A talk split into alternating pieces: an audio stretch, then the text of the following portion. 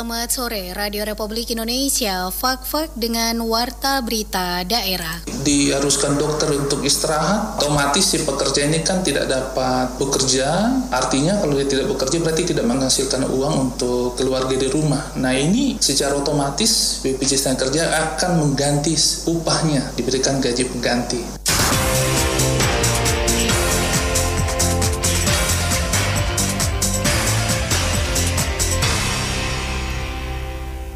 Sari Berita KPU Fakfa kemarin resmi menyerahkan berita acara dan surat keputusan SK penetapan pasangan bupati dan wakil bupati Fakfak terpilih kepada DPRD Kabupaten Fakfak. BPJS Ketenagakerjaan saat ini telah menghadirkan program manfaat layanan tambahan berupa bantuan biaya pengobatan bagi peserta BPJS Ketenagakerjaan yang mengalami musibah kecelakaan dan pinjaman uang muka perumahan. Itulah berita utama edisi hari ini Rabu tanggal 24 Februari 2021. Selengkapnya bersama saya Apriantini.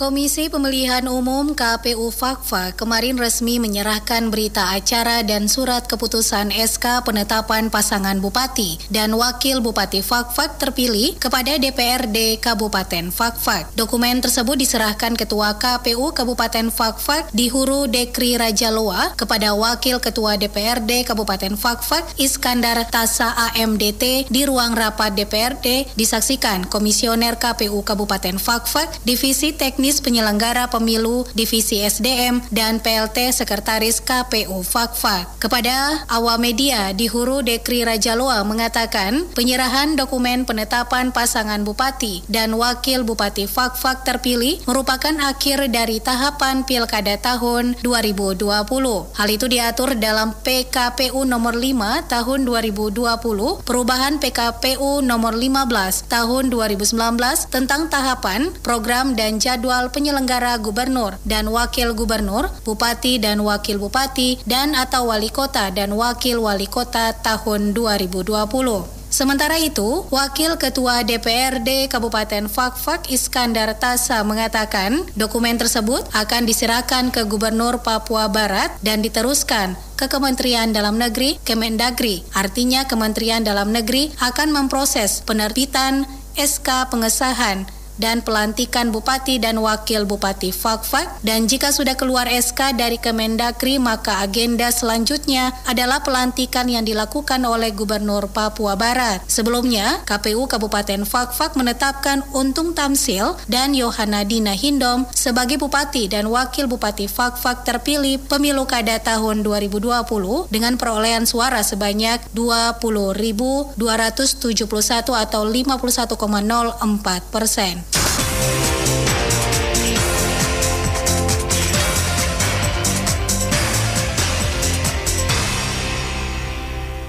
BPJS Ketenagakerjaan saat ini telah menghadirkan program manfaat layanan tambahan berupa bantuan biaya pengobatan bagi peserta BPJS Ketenagakerjaan yang mengalami musibah kecelakaan dan pinjaman uang muka perumahan. Inovasi dan kreasi terus dilakukan oleh BPJS Ketenagakerjaan dalam meningkatkan pelayanan kepada peserta baik perusahaan maupun perorangan. Salah satu program yang saat ini diluncurkan oleh BPJS Ketenagakerjaan adalah program manfaat layanan tambahan BPJS Ketenagakerjaan. Kepala BPJS Ketenagakerjaan Kabupaten Fakfak, Karolus P. Singgalinding mengatakan, program manfaat layanan tambahan yang diluncurkan oleh BPJS Ketenagakerjaan adalah apabila terjadi kecelakaan kerja yang dialami oleh masyarakat pekerja peserta BPJS Ketenagakerjaan dan si pekerja diberikan perawatan rujukan untuk ke rumah sakit di luar daerah, maka biaya yang dikeluar pun ditanggung oleh BPJS Ketenagakerjaan. Selain itu, BPJS Ketenagakerjaan juga akan menggantikan semua upah atau gaji bagi pekerja yang istirahat selama masa perawatan. Sementara manfaat lain dari layanan tambahan BPJS Ketenagakerjaan adalah dapat mengajukan pinjaman uang muka perumahan, terutama rumah yang bersubsidi. Untuk layanan tambahan di BPJS Tenaga Kerjaan yang pertama jika terjadi kecelakaan kerja eh, yang dialami oleh peserta atau masyarakat bekerja itu nanti diberikan pelayanan kepada mereka-mereka yang mengalami luka. Contohnya jika membutuhkan perawatan medis di luar kota Fafak contohnya mungkin di Pulau Jawa atau di Pulau Sulawesi yang memiliki perawatan atau mungkin alat yang lebih canggih itu kita bisa rujuk ke sana. Kemudian biaya rujukannya juga ditanggung oleh BPJS Tenaga untuk pesertanya. Kemudian pada saat sampai di rumah sakit pun ya cukup masuk dan dirawat sampai sembuh. Kemudian jika masih diharuskan dokter untuk istirahat, otomatis si pekerja ini kan tidak dapat bekerja. Artinya kalau dia tidak bekerja berarti tidak menghasilkan uang untuk keluarga di rumah. Nah ini secara otomatis BPJS Tenaga akan mengganti upahnya, diberikan gaji pengganti. Menurut Karolus, bagi masyarakat peserta BPJS Ketenagakerjaan yang ingin mengajukan pinjaman uang muka perumahan, syarat yang dapat diajukan berupa terdaftar di BPJS Ketenagakerjaan minimal satu tahun, tertib membayar iuran, dan upah yang dilaporkan adalah upah yang sebenarnya. Yang pertama dia harus terdaftar minimal satu tahun. Kemudian yang bersangkutan juga memastikan bahwa iuran yang dibayarkan oleh pemberi kerja juga harus tertib, artinya tidak menunggak. Kemudian si pemberi kerja juga yang si masyarakat pekerja yang bekerja di perusahaan itu adalah badan usaha, dia juga harus tertib dalam administrasi. Administrasi yang dimaksud adalah ya, tadi upah yang dilaporkan adalah upah yang sebenarnya. Jangan gajinya itu 2 juta atau 3 juta, dilaporkan hanya satu juta. Nah ini pelanggaran juga. Kalau usia pensiun yang diatur di peraturan pemerintah PP 45 tahun 2015 itu usia masa usia pensiun itu kan setiap tiga tahun akan naik satu tahun. Artinya untuk sekarang ini usia pensiun yang diatur itu sekarang 50 57 tahun batas pensiun. Nah, kalau misalkan di bawah usia itu ya otomatis bisa. Nah, tetapi nanti beberapa metode alurnya nanti itu kan harus ada check-in ya. Karena nanti kan itu pasti akan tetap kredit yang dilakukan nanti itu peserta nanti berhubungan langsung dengan pihak bank. Ia menambahkan, bagi masyarakat yang ingin mendapatkan manfaat layanan tambahan BPJS Ketenagakerjaan berupa pengajuan pinjaman uang muka perumahan, syarat utama yang harus dipenuhi adalah masyarakat peserta BPJS Ketenagakerjaan minimal harus mengikuti empat program BPJS Ketenagakerjaan, yakni program jaminan kematian, jaminan kecelakaan kerja, jaminan hari tua, dan jaminan pensiun. Januardi melaporkan.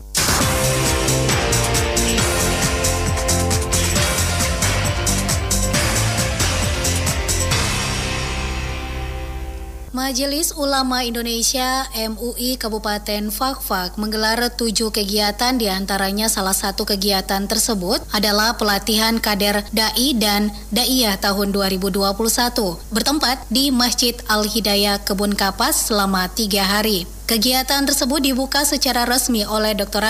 Haji Mustafirin MSI yang juga selaku koordinator pelatihan. Koordinator pelatihan Haji Mustafirin mengatakan, kegiatan pelatihan kader dai dimaksudkan untuk menyiapkan generasi penerus sebagai pengganti dai dan daia yang telah lanjut usia atau yang sudah meninggal. Dikatakan sebelum dai dan daia terjun di lapangan menyampaikan materi dakwanya, terlebih dahulu dibekali wawasan keagamaan agar di masyarakat tidak menimbulkan masalah akibat dari materi yang disampaikan. Sementara peserta yang mengikuti pelatihan sebanyak 50 orang dan materi pelatihan antara lain konsep iman, konsep ibadah, akhlak, ulumul Quran, dan hadis, fikih dakwah, ukluwa, kamtibmas, wawasan kebangsaan, tahsinul Quran, dan praktek berceramah.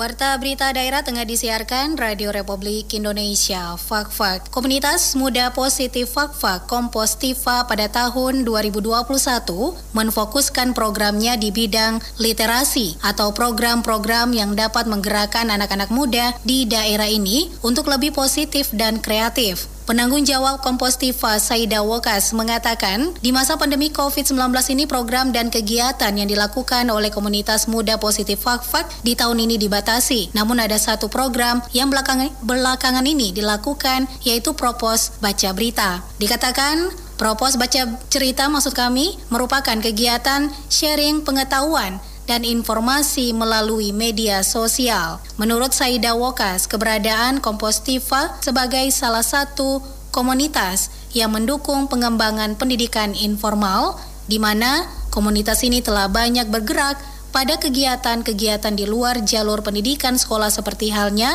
pembentukan rumah baca, kampanye suka baca, edukasi dan pengetahuan dengan menghadirkan narasumber tertentu serta beberapa kegiatan lainnya. Melalui program dan kegiatan Kompostiva di tahun 2021, ia mengharapkan adanya dukungan, kerjasama, dan partisipasi dari seluruh warga masyarakat Kabupaten Fakfak, khususnya para generasi muda, agar program-program yang akan dan telah dilakukan oleh komunitasnya di tahun ini dapat berjalan dengan baik sesuai dengan harapan oleh semua masyarakat, meski kegiatannya tidak semeriah di tahun-tahun sebelumnya akibat adanya pandemi COVID-19. Anda masih mendengarkan RRI Radio Tangga Bencana COVID-19.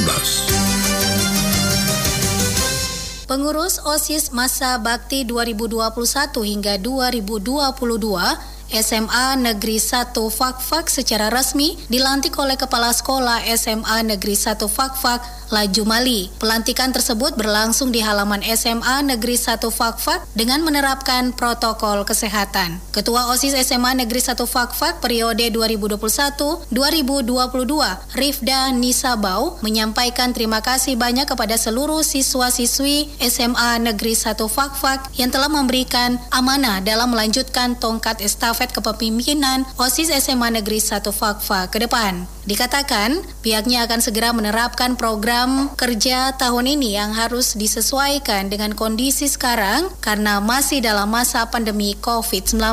Rif Dabau menambahkan kepengurusan OSIS SMA Negeri 1 Fakfak yang baru ini akan melanjutkan program OSIS sebelumnya yang belum terselesaikan. Kemudian, melaksanakan program baru OSIS sesuai program kerja yang telah disusun seperti fasilitas sanitasi serta kebersihan yaitu menyediakan tempat cuci tangan dan sabun atau hand sanitizer, menyediakan alat pengukur suhu badan, mengadakan rapat rutin mengenai pelaksanaan program kerja masing-masing secara online melalui video call WhatsApp maupun Zoom serta melakukan pengecetan atau membersihkan lingkungan sekolah sebulan sekali. Sekian Warta Berita Daerah Produksi Radio Republik Indonesia, Fakfak.